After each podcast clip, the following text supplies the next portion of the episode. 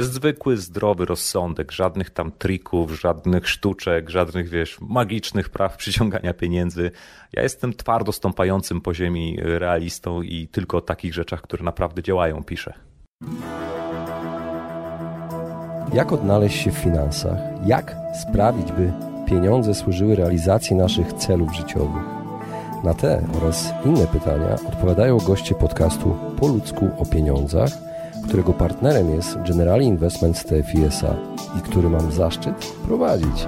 Nazywam się Radosław Budnicki, na co dzień prowadzę podcast Lepiej Teraz i nie jestem internetowym guru zarabiania, Rozmawiam tylko po ludzku o pieniądzach z ekspertami, którzy zrozumiałym językiem tłumaczą zawiłości finansów i to, jak sprawić, by pieniądze nam służyły, a nie nami rządziły. Serdecznie zapraszam.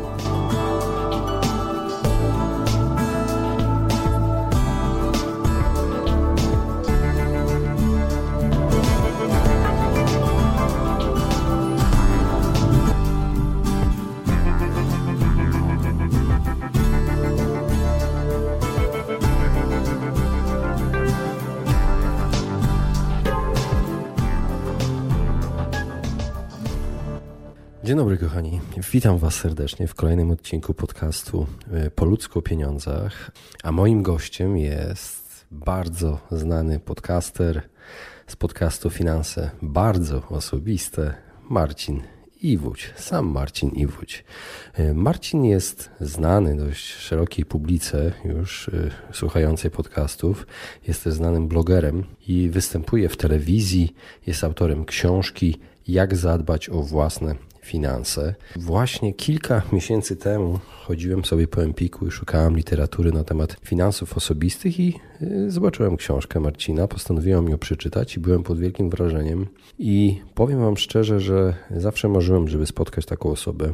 Jest to bardzo wyjątkowa osoba, bo emanuje z Marcina taka niezwykle pozytywna energia, radość, życzliwość, która jest naprawdę autentyczna. Bardzo się cieszę, że prowadzę podcast po ludzku o pieniądzach, bo bez tego nie miałbym chyba możliwości obcowania z takimi ludźmi jak on. I e, powiem Wam szczerze, że od dłuższego czasu zastanawiałem się, jak e, sprawić, żeby taką osobę zaprosić do mojego podcastu. Nasza rozmowa e, nie dotyczyła mm, jedynie konkretnych wskazówek, jak ogarnąć finanse, czego Marcin akurat nie żałował Wam i podzielił się nawet według mnie w nadmiarze różnymi konkretnymi tipami, radami, jak dać sobie radę z finansami i to na różnych poziomach y, zaawansowania. Za chwilę będziecie mogli wysłuchać y, tego, co mam na myśli. O czym opowiedział Marcin? Opowiedział o tym, czy powinny powstawać kolejne blogi czy podcasty dotyczące finansów. To było, jak, jak, możecie się domyślać, bardzo osobiste pytanie dotyczące mnie, ponieważ ja zacząłem e, prowadzić takie rozmowy w podcaście Po ludzko o pieniądzach. E, Marcin podzielił się informacją na temat e, swojej drogi do podcastingu, do blogowania. Co się stało, że zaczął blogować właśnie na temat finansów osobistych, uchylił rąbka tajemnicy na temat jego filozofii działania, tej filozofii, którą stosuje na co dzień, którą praktykuje i nazywa ją esencjalizmem. Ten wywiad to jest prawdziwa kopalnia wiedzy i zapraszam Was serdecznie do dzielenia się swoimi opiniami w recenzji na iTunes. Zapraszam serdecznie, podcast po ludzku pieniądzach. Pomoże mi to dotrzeć do większej ilości słuchaczy. Serdecznie Wam dziękuję i zapraszam do wysłuchania mojej rozmowy z Marcinem Iwuciem. Cześć Marcin. Cześć Radku. Bardzo cieszę się, że zgodziłeś się wystąpić w podcaście po ludzko o pieniądzach i powiem Ci szczerze, od dłuższego czasu przyglądam się e, Twojemu podcastowi. Słuchałem kilka odcinków, które akurat mnie interesowały i przyznam Ci się jedną rzecz. Kilka miesięcy temu też kupiłem Twoją książkę w Empiku przeczytałem i, jestem pod ogromnym wrażeniem tego, tego, co zrobiłeś. Przyznam ci że wcześniej nie, nie interesowały mnie e, w ogóle podcasty dotyczące finansów i ostatnio, kiedy zacząłem bardziej za, zapraszać e, osoby, które zajmują się finansami i stwierdziłem, że warto właśnie dowiedzieć się czegoś więcej i twoja książka bardzo mi pomogła. To ja bardzo dziękuję. Po pierwsze za zaproszenie, po drugie za te miłe słowa na temat książki, e, a po trzecie, no to powiem ci, wiesz, nie bez powodu nazwałem mój blog Finanse bardzo osobiste, bo w finansach e, bardzo często chodzi o coś znacznie więcej niż tylko same pieniądze i na pewno nie chodzi tu o matematykę. Tutaj chodzi o to, jak to wpływa na nasze faktyczne, codzienne życie. Pierwsze pytanie zawsze zadaję moim gościom, to jest pytanie dotyczące twojego pitchu, czyli generalnie, jeżeli ktoś ciebie nie zna, co jest bardzo mhm. wątpliwe, ale jeżeli zdarza się taka sytuacja na jakimś evencie, pytają cię, czym się zajmujesz Marcin, to co odpowiadasz najczęściej? E, myślę, że bardzo e, wielu ludzi mnie nie zna, e, ale zawsze przedstawiając się odpowiadam jednym zdaniem. Pomagam ludziom w skutecznym dbaniu o własne finanse. Kropka. Czyli po prostu. I, i potem już yy, najczęściej ludzie pytają, jak to robisz, więc ja zadam to pytanie tobie teraz. W jaki sposób to robisz? Mhm. Jest kilka kanałów, które używam do komunikacji z moimi czytelnikami, słuchaczami. No, to oczywiście to jest blog i oczywiście to jest podcast. To są te dwa najbardziej podstawowe. Y, od czasu do czasu, y, kiedy mam taką możliwość, pojawiam się też w telewizji, żeby o tym rozmawiać.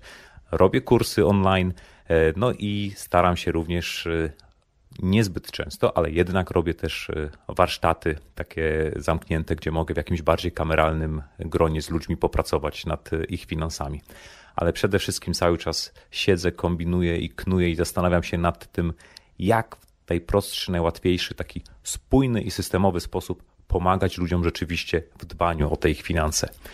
I dla swojej działalności spisałem taką bardzo konkretną misję.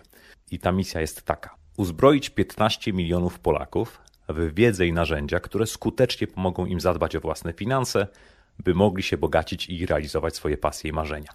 I ktoś może powiedzieć, że to tak brzmi sobie gór, górnolotnie, ale wiesz, to jest bardzo dobrze przemyślane. Bo po pierwsze, 15 milionów Polaków to dlatego, że w Polsce mamy mniej więcej 15 milionów gospodarstw domowych i marzy mi się, żeby w każdym gospodarstwie domowym była choć jedna osoba, która ogarnia temat, wie o co chodzi, bo wtedy decyzje e, całego gospodarstwa domowego byłyby o wiele, o wiele lepsze. Po drugie, to ma być konkretna wiedza i narzędzia, które rzeczywiście działają.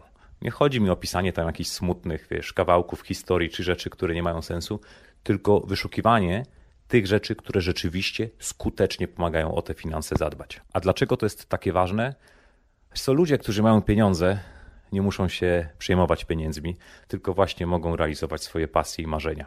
I widząc, jak mi dobrze się żyje w ten sposób, pomyślałem sobie, że mogę wykorzystać moją wiedzę finansową i rzeczywiście pomóc innym również w dojściu do takiego etapu, kiedy nie trzeba się zastanawiać nad tym, czy mnie na coś stać, tylko można myśleć o tym, co ja chcę robić, jakie pasje, marzenia chcę realizować. Y, powiem Ci szczerze, że bardzo mi się podoba to, co robisz i wiem, że Twój blog nie dotyczy tego, jak szybko się wzbogacić, prawda, zostać milionerem, prawda, żyć na jakimś tam, na jakiejś nie, nie, wyspie nie, i w ogóle, wiesz, wszystkich mieć gdzieś, bo, bo bardzo mi się podoba ten przekaz. Zwykły, zdrowy rozsądek, żadnych tam trików, żadnych sztuczek, żadnych, wiesz, magicznych praw przyciągania pieniędzy. Ja jestem twardo stąpającym po ziemi realistą i tylko o takich rzeczach, które naprawdę działają, piszę. A skąd u ciebie y, to się wzięło? Bo y, ciekawa mnie twoja historia. Kojarzę cię z telewizji. Kojarzę cię z telewizji. Ty byłeś w TVN-ie, tak? Y, pracowałeś w TVN-ie? Nie pracowałem w TVN-ie, ale już prowadząc mój blog, prowadziłem dla TVN-u taki cykl programów Prosty Rachunek, gdzie w telewizji śniadaniowej E, opowiadaliśmy historię ludzi, którzy są w trudnej sytuacji finansowej. Ja do nich jechałem i szukaliśmy wspólnie sposobu na to, jak tę ich sytuację finansową rozwiązać. Problem był taki, że to było chwilę po tym, kiedy ja zostawiłem pracę w korporacji i zacząłem rozwijać swój własny biznes, i nagle okazało się, że zamieniłem etat w korporacji na pół etatu w TVN-ie, więc po prostu stwierdziłem, że to nie jest jeszcze ten moment, że pomysł był fajny i te programy cieszyły się dużym zainteresowaniem, ale to nie był moment dla mnie, żeby tym się zajmować. Więc przypuszczam, że kiedyś wrócę do tej koncepcji, bo to jest też ciekawy sposób na szerzenie tej wiedzy, ale rzeczywiście stwierdziłem, że na razie to zostawiam najpierw rozwinę swoją działalność na innych obszarach. I to było takie troubleshooting, takie można powiedzieć, jest problem, konkretny case i ty jedziesz i, i, i rozwiązujesz to. I całe wiesz, wyzwanie polegało na tym, że mi bardzo zależało, żeby tym ludziom realnie pomóc. Czyli ja nad takim jednym przypadkiem pracowałem kilka dni, kontaktowałem się z tymi osobami wcześniej, analizowałem dokładnie ich finanse i szukaliśmy bardzo konkretnych rozwiązań. E, później z tego powstawał taki materiał, wiesz, na 4 minuty mniej więcej. Materiał, z którego trzeba było wyciąć tak naprawdę większą część, taką kluczową część historii, bo ona nie nadawała się do pokazania również z takich względów, że była po prostu zbyt osobista. Mimo wszystko udawało się robić z tego całkiem, całkiem e, ciekawe programy. No i najważniejsze jest dla mnie to, że oczywiście nie wszystkim, ale części tych osób udało się naprawdę tę sytuację finansową poprawić, więc to mi dało dużo satysfakcji i też takiego doświadczenia, nie wiem, obycia z kamerą.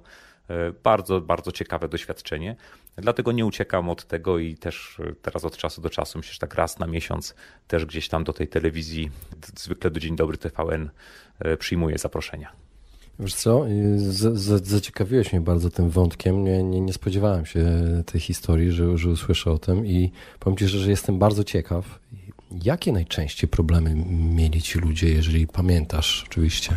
No tutaj akurat sprawa była dosyć prosta. No, kto się zgłasza do telewizji z prośbą o pomoc? Są już często osoby w jakiś sposób zdesperowane, czyli to były trudne sytuacje finansowe, zawsze związane z długami, E, z nadmiernymi kredytami i z problemem, jak te długi i kredyty obsłużyć. Dlatego właśnie to była też jakaś taka kolejna dla mnie zagadka, jak to zrobić, żebyśmy w kółko nie opowiadali tych samych e, historii. E, no ale głównie tego to, to, to dotyczyło. Okej, okay, a jak pojawił się podcast w ogóle? Skąd pomysł na podcast i od kiedy już robisz ten podcast? Pomysł na podcast to pojawił się praktycznie jeszcze zanim pojawił się mój pomysł na blog. Ja dawno temu pomimo tego, że wiesz, byłem finansistą, pracowałem przez lata w branży finansowej, gdzieś mniej więcej jeszcze w 2009 roku byłem w kiepskiej sytuacji finansowej. E, parę nieudanych inwestycji, miałem na głowie, wiesz, trzy kredyty hipoteczne na grubo ponad 2 miliony złotych, w tym jeden we frankach szwajcarskich, tak z 30 tysięcy złotych, takich głupich totalnie jakichś kredytów konsumpcyjnych. Byłeś w czarnej. To by, byłbym, gdybym na przykład w tym czasie stracił pracę. No i któregoś wieczoru kupiłem sobie kolejny nowy gadżet, telefon e, i tam była aplikacja do słuchania podcastów. Ja też nie do końca wtedy wiedziałem, jak z takich aplikacji korzystać. Wszedłem, uruchomiłem ją. Kilka było przykładowych odcinków i między innymi był odcinek podcastu Dave'a Ramseya.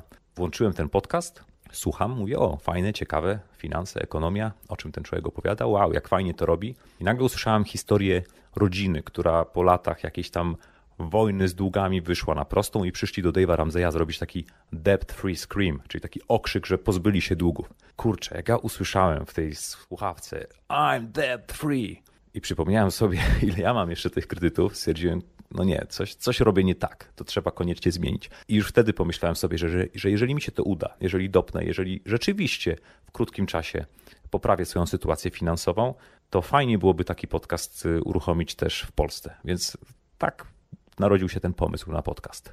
A który kanał przekazu lubisz najbardziej? Który docierasz do większej ilości odbiorców według ciebie, albo najlepiej się czujesz w tym kanale?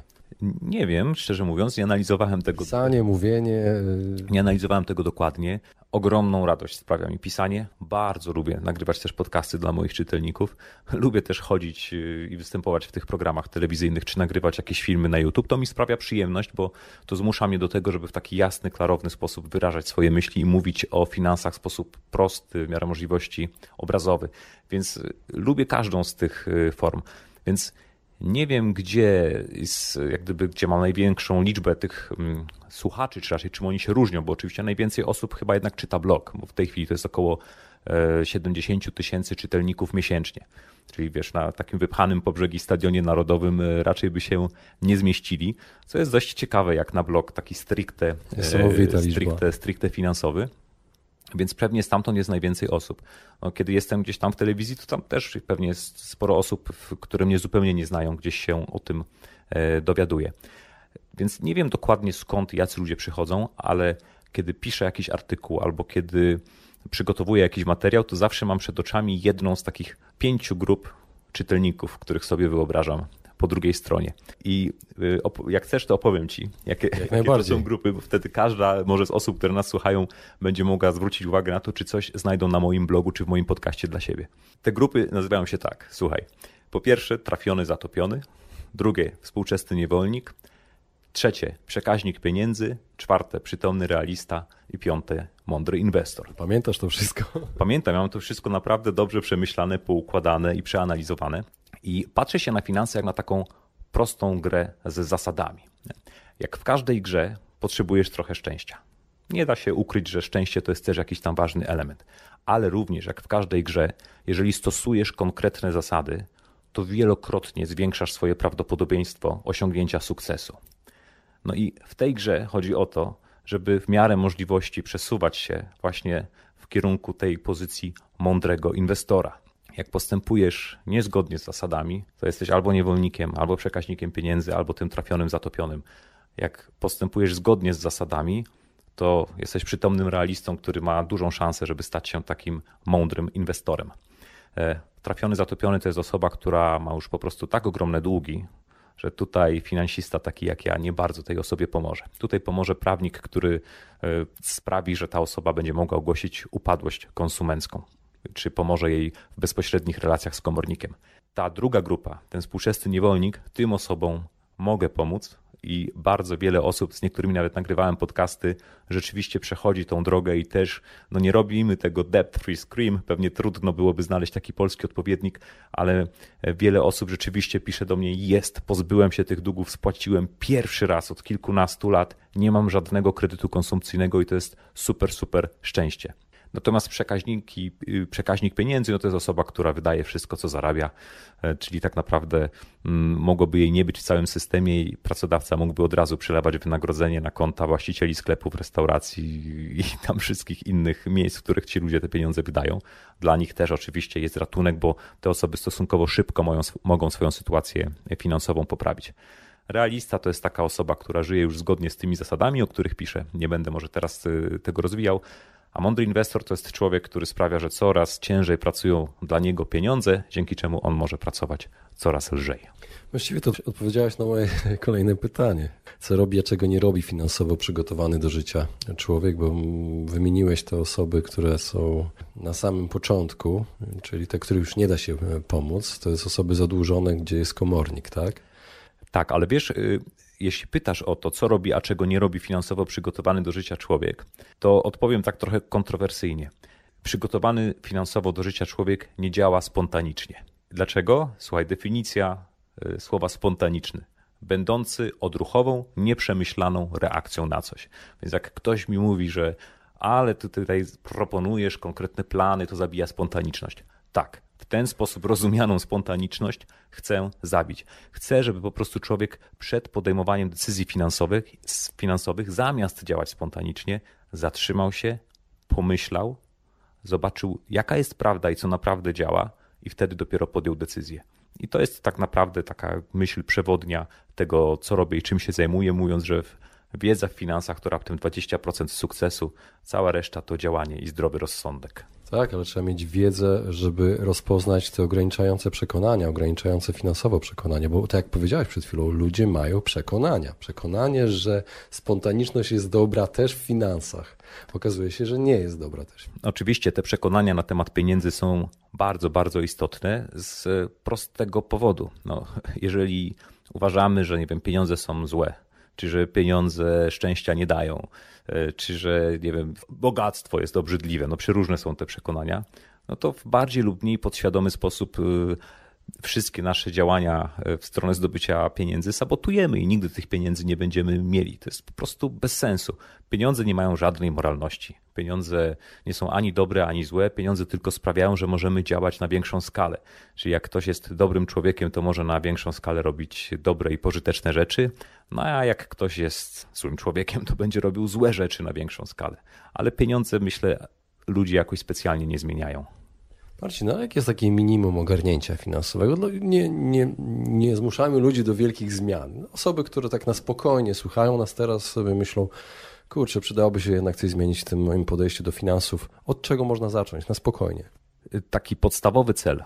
Cel, myślę, w zasięgu każdej osoby i uważam, że absolutnie każdy Polak i każda Polka powinna i Polak powinien, Polka powinna ten cel osiągnąć, to jest zbudowanie poduszki finansowej, czyli posiadanie oszczędności pozwalającej nam przetrwać mniej więcej 6 miesięcy życia bez dochodu.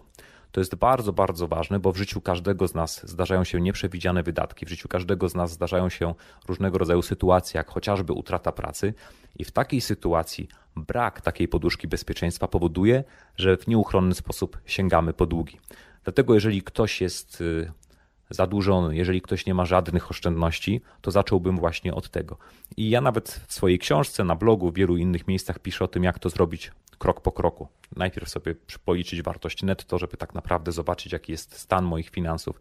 Następnie zrobić solidny plan dla swoich pieniędzy, czyli budżet domowy, który pokazuje nam, na co my tak naprawdę te pieniądze wydajemy. Kolejny krok to odłożenie kwoty 2000 zł, takiego pierwszego, wiesz, minimalnego buforu bezpieczeństwa, który sprawi, że jak popsuje nam się lodówka, to nie lecimy po pożyczkę, tylko na spokojnie jesteśmy w stanie to pokryć z własnej kieszeni. I mając ten maleńki buforek bezpieczeństwa, atakujemy nasze długi jeden po drugim w określonej kolejności. To wszystko dokładnie opisuje, jak to zrobić, bo gdy pozbędziemy się tych długów konsumenckich, to zostaje nam jeszcze tylko uzupełnienie tych oszczędności i życie w sytuacji, w której masz taką poduszkę bezpieczeństwa, że przez pół roku na spokojnie jesteś w stanie sobie poradzić, no to jest zupełnie inna jakość życia. Ty inaczej patrzysz na możliwości, które są przed tobą podejmujesz znacznie odważniejsze decyzje. Inwestując później nadwyżki, też nie obawiasz się za bardzo tych wahań na rynkach, bo ty wiesz, że poduszkę finansową masz z boku ulokowaną bezpiecznie i tak dalej, i tak dalej. To jest poziom takiego finansowego zabezpieczenia, do którego każda osoba jest w stanie dojść, i to jest moim zdaniem ten plan minimum, całkowicie osiągalny dla każdej osoby. Świetnie, czyli można zacząć od poduszki po prostu. A co, gdy nie mamy tej natury, takiej naturalnej dyscypliny i, chcemy dać sobie radę właśnie z tymi finansami. Są jakieś takie lifehacki, no dobrze, użyjmy tego słowa. Radek, a znasz kogoś, kto y, ma w sobie jakąś naturalną dyscyplinę? Moim zdaniem, jak ktoś mówi, że lubi dyscyplinę albo ma, to coś z nim jest. Coś z nim to jest, jest złe słowo. Dobry nawyk, no. nie wiem, dobry nawyk. Słuchaj, ja uważam, że nikt z nas nie ma w sobie, wiesz, możemy dyscyplinę w sobie wypracować, to jest pierwsza rzecz. E, natomiast nikt nie rodzi się z tą dyscypliną, to druga, ale najważniejsza. I chciałbym, żeby to bardzo mocno wybrzmiało. Próba oparcia swoich finansów na dyscyplinie albo na silnej woli, to jest skazanie naszych e, wysiłków na porażkę. Nie ma szans po prostu. My powinniśmy tak naszymi finansami pokierować, żeby nie trzeba było tutaj wysiłku i silnej woli w dbaniu o te finanse. I zaraz powiem, jak to, jak to zrobić. Tylko jeszcze bardzo ważna rzecz. Silna wola jest jak bateria. Jak my w ciągu dnia musimy podjąć ileś tam decyzji w oparciu o silną wolę, to już pod koniec dnia jesteśmy wyczerpani, nie mamy siły i naj, najdrobniejsza rzecz nas przytłacza. Jak zrobić to, żeby nie trzeba było silnej woli i wysiłku? No to pierwszy z brzegu przykład. Załóżmy, ja domyślam się, że robisz inaczej, ale załóżmy, że nie odkładasz żadnych pieniędzy. Co byś zrobił, gdyby jutro rząd ogłosił, że wprowadza podatek i z każdego twojego wynagrodzenia 5% tego wynagrodzenia będzie zabierał tytułem tego podatku? No raczej bym się zdenerwował. Tak jest, pierwsza reakcja. Co dalej byś zrobił? Y, zacząłbym szukać miejsc, w których mógłbym oszczędzać, wiesz, od razu. Y, Wkurzywałbym się? Tak, zrezygnowałbym. Zagryzłbyś zęby? i po jakimś czasie przyzwyczaiłbyś się do tego, że żyjesz za 95% pieniędzy. Adaptacja następuje po prostu. Naturalny sposób. Opodatkuj sam siebie. Zrób prostą zasadę. Jak tylko wynagrodzenie wpływa na Twój rachunek, 5% złóż stałe zlecenie, niech natychmiast leci na położone z boku konto oszczędnościowe, o którym nie Podatek pamiętam. radka. Podatek radka. Nie belki. Gwarantuję ci, gwarantuję ci, że przyzwyczaisz się do życia za 95% i w sposób nieuchronny na tym twoim koncie oszczędnościowym miesiąc w miesiąc, w sposób automatyczny, bez żadnego wysiłku, bez żadnej silnej woli, będą zbierały się oszczędności. Jak dasz radę z 5%, to za chwilę się okaże, że dasz radę z większą ilością. Co jeszcze się zacznie dziać? Jak ci zacznie brakować tych 95%, no to będziesz myślał, kurczę, a może jakoś zwiększyć swoje dochody, może coś tutaj pokombinować ale to nie może być silna wola, to ma być automat. I wprowadzenie kilku takich automatycznych rozwiązań sprawdza się znakomicie. Super pomysł, to będę od razu taki podatki jak w Szwecji sobie wprowadzę, wiesz, 50%. No to będziesz bardzo, bardzo zamożnym człowiekiem już wkrótce. Jak Szwedzi. Okej, okay, dobrze. Y, przejdźmy powoli do do źródeł wiedzy. Skąd czerpać tę wiedzę? Y, czy znasz jakieś y, źródła albo polecasz jakieś źródła, takie jak blogi, podcasty, książki, vlogi? Twoja książka Jak zadbać o własne finanse, to już polecam y, słuchaczom. A teraz chciałem Ciebie zapytać o tipy.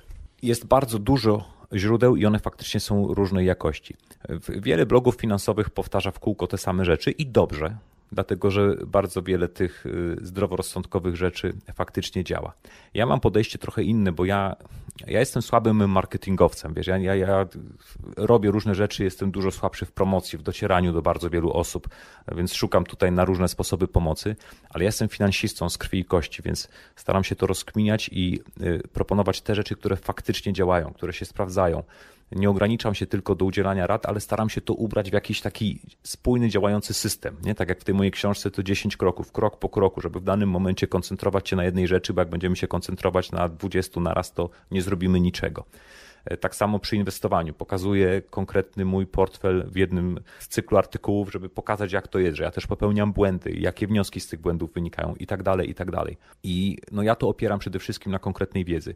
Pracowałem przez lata w branży finansowej, przez 12 lat, przez ostatnie 6 lat pracowałem w towarzystwie funduszy inwestycyjnych, mam taką licencję CFA, czyli Chartered Financial Analyst, ja uwielbiam inwestycje, uwielbiam rynki finansowe i wszystko, co ja robię, to po prostu staram się tę zaawansowaną wiedzę w jakiś sposób przetłumaczyć na takie najprostsze rzeczy, które da się zaadaptować w życiu każdego, e, każdego człowieka. Ale po jakie źródło byśmy nie sięgnęli, to cały czas będę powtarzał tę mantrę. Wiedza, 20% wysiłku. Reszta to jest działanie i zdrowy rozsądek. Zdrowy rozsądek to wystarczy się zatrzymać i pomyśleć. Jeżeli chodzi o zdobycie wiedzy, to dziecko z podstawówki w pół semestru jest w stanie wiedzę niezbędną do skutecznego dbania o własne finanse opanować ale powodem, dla którego warto cały czas gdzieś tam sięgać po, po y, podcasty, po książki, po blogi, jest to, żeby utrzymywać w sobie też ten taki, ten, taki poziom motywacji, ten taki stan zaangażowania w to, że my o te finanse dbamy, że to jest dla nas też naturalny sposób, bo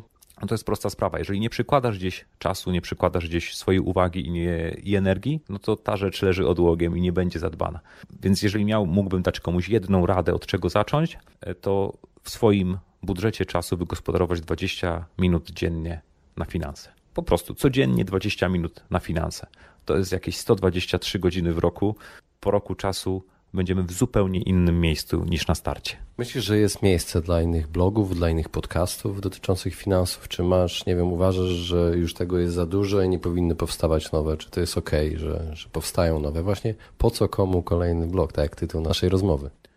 Z mojego punktu widzenia jest miejsce zawsze. Gdybym ja myślał, y, zaczynając swoje działanie, że o, już jest za ciasno, już są, bo przecież doskonale działał Maciek Samcik, wspaniale działał Michał Szafrański, ale ja miałem swój konkretny pomysł i stwierdziłem, że nie będę się patrzył na to, co robią inni. Ja mam swoją konkretną misję, chcę dotrzeć z tym do jak największej liczby ludzi i będę po prostu robił swoje. I uważam, że każda osoba, która też tak do tego podchodzi, bez problemu sobie poradzi, bo miejsce jest tutaj dla wszystkich. E, pytanie właśnie, co stoi, jakie są intencje danej osoby, która to robi. Ja powiedziałem Ci, po co to robię. To mi sprawia ogromną, ogromną frajdę. Może jeszcze o tym powiemy, to powiem Ci, jakie motywacje stoją za tym moim prowadzeniem, prowadzeniem bloga. Jeżeli ktoś chce uruchomić blog finansowy po to, żeby zarzucać swoich czytelników y, linkami afiliacyjnymi i pisać w kółko kolejnej promocji konta, karty i, i nie wiem, tym jak to fajnie jest zaciągnąć pożyczkę, najlepiej korzystając z tego linku, no to szkoda chyba na to czasu. Trzeba po prostu rozpoznawać, co, co jest dobre. Nie jest to proste dla osób, które zaczynają, wchodzą do tego internetu, nie oszukujmy się, ale, ale mam nadzieję, że ten podcast, ta, ta rozmowa z Tobą pomoże ludziom podjąć decyzję. Jeżeli masz wiedzę, masz pasję, to rób po prostu swoje, nie patrz się na to, że już coś takiego jest, bo jeżeli jest i odnosi sukcesy, to znaczy, że to jest dobry rynek i że jest tutaj również miejsce dla Ciebie. A nauczyłeś się czegoś od swoich słuchaczy? Oj, bardzo dużo i cały czas, cały czas się tego uczę. E, wiesz, no, po pierwsze, to co jest super w blogu, to jest to, że jest możliwość dyskutowania ze swoimi, ze swoimi czytelnikami, że są te komentarze. Oni bardzo często wyłapują jakieś niespójności, bardzo często pokazują mi błędy, jeżeli gdzieś się takie trafiają. Naziści językowi też się do ciebie odzywają. Rzadko, rzadko. I w ogóle muszę powiedzieć, że bardzo fajnie tak udało mi się taką grupę czytelników przyciągnąć, którzy tak bardzo proaktywnie i fajnie się w te nasze dyskusje angażują i to są absolutnie dyskusje na super y, poziomie. E, dodatkowo, wiesz, uświadamiają mi, że możemy patrzeć na tę samą rzecz i widzieć coś zupełnie innego. Nie? Że kiedy ja używam na przykład słowa bogactwo czy zamożność, to dla mnie to coś innego znaczy niż dla moich czytelników lub dla niektórych czytelników. I nie ma sensu wtedy przerzucanie się argumentami. Tak, możesz dojść do zamożności. Nie, nie, nigdy nie dojdziesz do zamożności. Tylko trzeba sobie pewne rzeczy wyjaśnić, wytłumaczyć, powiedzieć, co ja przez to, co ja przez to yy, rozumiem bardzo dużo y, tamtej wiedzy od tych moich czytelników czerpię i uwielbiam po prostu to robić, że uważam, że wiesz, nikt nie ma żadnej recepty i monopolu na wiedzę. Marcin, działasz w sieci, w internecie, zdarza ci się hejt? Bardzo, bardzo rzadko, ale tak. E, ale mam tutaj bardzo proste podejście. Jeżeli e, pojawia się jakiś komentarz, który nie wnosi do dyskusji niczego wartościowego, lub wnosi, ale robi to w sposób niekulturalny, to w pierwszej sytuacji taki komentarz wycinam, ale to dosłownie było na przestrzeni czterech lat, jak prowadzę blog, kilka, dosłownie kilka przypadków. Bardzo mnie to też zaskoczyło, bo obawiałem się tego bardziej. A jeżeli ktoś pisze coś wartościowego, ale robi to w sposób, y, który po prostu no jest pozbawiony szacunku dla innych y, odbiorców, to piszę mu maila na spokojnie, na privie, że fajny komentarz, dziękuję, ale my tutaj y, dyskutujemy na nieco innym poziomie. E, sądząc po Twoim komentarzu, jesteś inteligentną osobą, więc byłoby super, jakbyś zechciał to sparafrazować w taki sposób, żeby nikogo nie obrażało. I albo taka osoba reaguje i wtedy komentarz jest publikowany, albo nie reaguje, no i wtedy takiego komentarza nie publikuję, bo ja chcę, żeby każdy, kto jest na moim blogu, czuł się po prostu na nim dobrze. A wierzysz w kursy, te wszystkie, które powstają y, na polskim rynku? A jak, jak ich unikać? Jak ich unikać? Kursy y, ogarnięcia finansów, tak to nazwijmy. Bo pojawiają, pojawia się coraz y, więcej różnego rodzaju kursów. Ja widzę to w sieci, na Facebooku, eventy, spotkania. Pomogę ci w tym, pomogę ci w tamtym. Czy znasz ten rynek kursów, orientujesz się? Nie znam tego rynku. Tak naprawdę znam dwa kursy. Pierwszy to jest kurs Michała Szafrańskiego Pokonaj swoje długi. Kurs, gdzie nawet w jednym odcinku tam u Michała wystąpiłem i uważam go za bardzo, bardzo wartościowy, który Michał udostępnia za darmo i uważam, że wnosi on bardzo dużo wartości dla osób, które są zadłużone. A drugi kurs to jest mój kurs kredyt hipoteczny krok po kroku, ponieważ zaciągnięcie kredytu to jest jedna z największych finansowych decyzji w życiu a różnica pomiędzy mądrze i głupio zaciągniętym kredytem to jest kwota rzędu kilkudziesięciu tysięcy złotych, którą albo zostawimy w swojej kieszeni, albo oddamy do banku, e, to właśnie taki kurs przygotowałem. Natomiast no, muszę powiedzieć, że żadnego polskiego kursu o finansach nie widziałem. Miałem do Ciebie pytanie dotyczące tego, jak Ty dałeś sobie radę e, z problemami finansowymi. W pewnym sensie już trochę odpowiedziałeś na to pytanie, że zacząłeś słuchać tego podcastu, ale czy coś jeszcze jest takiego? E, gdybym słuchał podcastu, to by niewiele zmieniło, ale przede wszystkim zacząłem e, po prostu drążyć, co tak naprawdę trzeba krok po kroku zrobić. I potem przygotowałem plan, i ten plan, on jest spisany tak naprawdę w tych moich dziesięciu krokach. Ja go po prostu z żelazną konsekwencją zrealizowałem. To są bardzo proste i zdroworozsądkowe rzeczy, jak masz długi konsumenckie i chcesz się ich pozbyć no to pierwsza, najważniejsza rzecz trzeba sobie uświadomić, że to nie jest tak, że a, może to spłacę, może nie, bo w ten sposób nigdy cię nie uda. Musisz się po prostu wkurzyć. Musisz się wkurzyć, uświadomić sobie, kurde, ale jestem głupi, nie? Zamiast w ogóle oddaję jakieś płace odsetki, prowizje, wyrzucam kupę kasy przez okno, przecież to jest durne, to jest bzdurne i trzeba się po prostu wkurzyć i powiedzieć sobie dość. Koniec życia z długami. To jest punkt pierwszy. Wypowiadamy tym długom wojnę. Druga rzecz, skoro to jest wojna, no to musimy zrobić solidne rozpoznanie wroga, czyli robimy, wiesz, listę wszystkich swoich zobowiązań, wypisujemy sobie saldo, ustawiamy też w odpowiedniej kolejności, mm, bez szczegółów teraz, ale chodzi o to, żeby te najmniejsze zobowiązania były u góry naszej listy, największe na dole. Trzeci punkt, żeby zaatakować wroga, to potrzebujemy amunicji. Nie? To znaczy tak, po pierwsze wycinamy wydatki do kości. Ja nie jestem żadnym minimalistą. Nie jestem człowiekiem, który namawia ludzi do ascezy. Nie, masz kasę, to wydawaj, ciesz się życiem.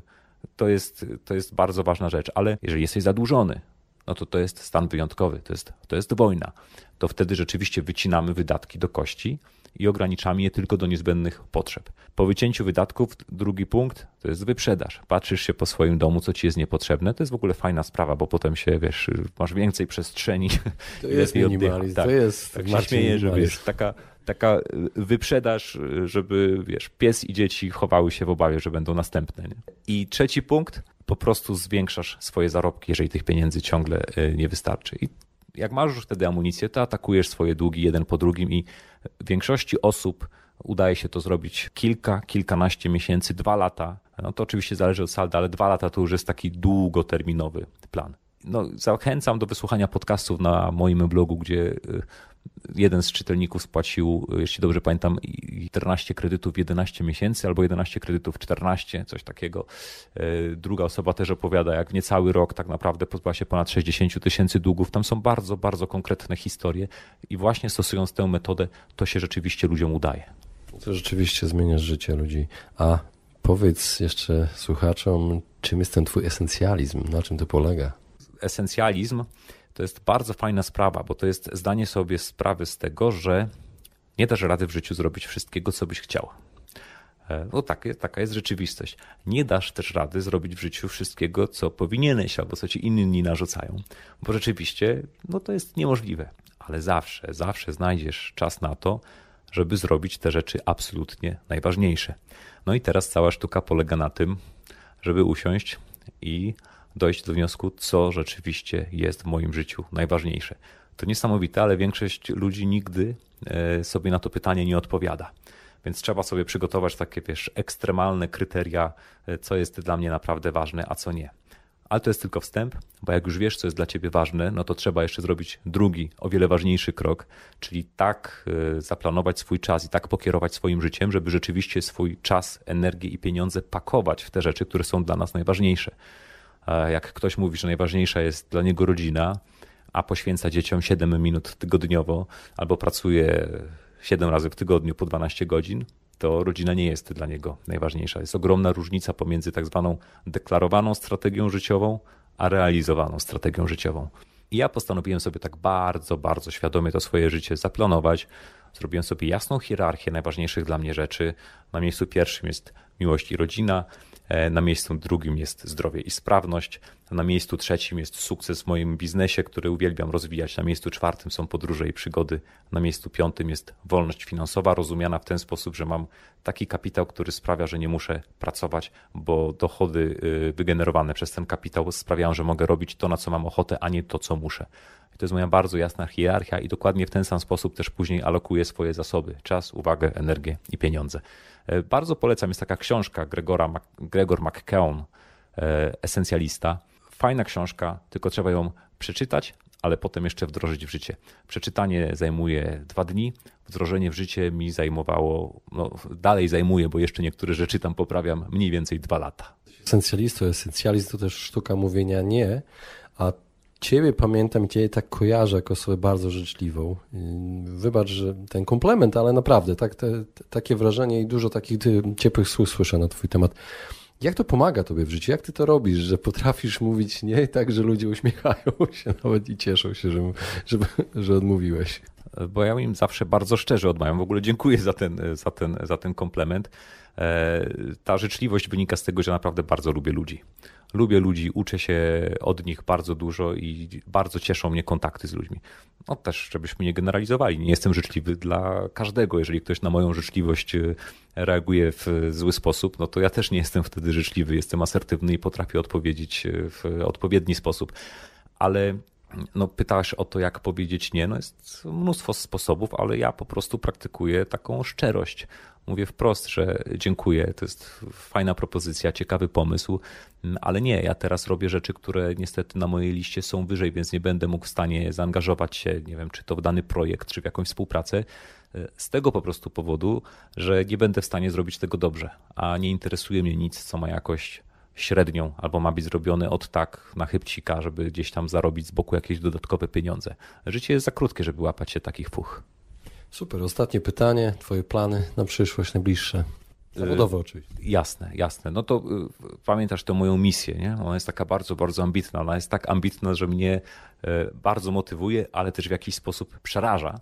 Natomiast y, zamierzam cały czas konsekwentnie ją realizować. I dokładnie w tym kierunku idę. Czyli najbliższe miesiące to jest pomoc ludziom w tym, żeby nie przepłacali za kredyty hipoteczne. Więc ten kurs, który zrobiłem, e, kredyt hipoteczny krok po kroku, po prostu teraz przygotowuję taką kampanię internetową do tego kursu. Drugi krok, który będę e, robił, to będzie taki kurs e, online'owy właśnie z takich podstaw finansów. Coś, co pozwoli komuś usiąść sobie wygodnie przed Smart TV, odpalić mój kurs, poświęcić na to jedno popołudnie i nagle powiedzieć: Aha, okej, okay, to teraz rozumiem, czyli tak działają te finanse.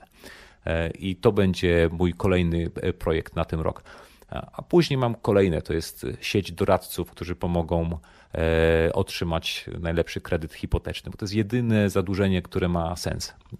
Bo kupujesz za te pieniądze, wiesz, aktywo, którego wartość ma, ma spore szanse wzrosnąć w przyszłości, a nie wydajesz tego na przykład na tracący na wartości samochód. Tak? To jest zupełnie inne podejście do, do zadłużenia. No i również pomoc, to już takie bardziej odległe e, plany, w dotarciu do i, i wyborze takich najlepszych produktów finansowych. Bo produkty finansowe są przeróżne. Ja widziałem i finansowe potworki, i takie produkty finansowe, z których sam korzystam, bo wiem, że są dobre. I tak naprawdę stwierdziłem, że jeśli poza edukacją pomogę ludziom do, dotrzeć do takich produktów, które pomogą im również te cele konkretnie zrealizować, czyli nie tylko wiedza, ale też konkretny produkt, na przykład również we współpracy z różnymi firmami, to to będzie coś bardzo, bardzo fajnego i niepowtarzalnego i to będzie dobry antidotum na to, co powszechnie myśli się o branży finansowej. Super. Dziękuję Ci bardzo za wywiad. To ja dziękuję jeszcze raz za zaproszenie. Bardzo serdecznie pozdrawiam wszystkich Twoich słuchaczy. Cieszę się, że jest kolejny podcast na temat finansów. No i życzę Ci jak najbardziej udanych kolejnych audycji, żebyś też pomagał innym w dbaniu o finanse i w naprawianiu ich życia. Ja życzę sobie takich gości jak Ty. Dziękuję bardzo.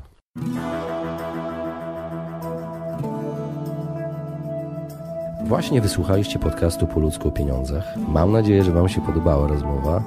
Jeżeli Wam się podobała, poświęćcie swój czas, proszę, by pozostawić swoją recenzję na iTunes. Jeżeli macie pytania lub e, propozycje dotyczące kolejnych audycji, piszcie do mnie na fanpage'u Po ludzku o pieniądzach i do usłyszenia w następnym razem.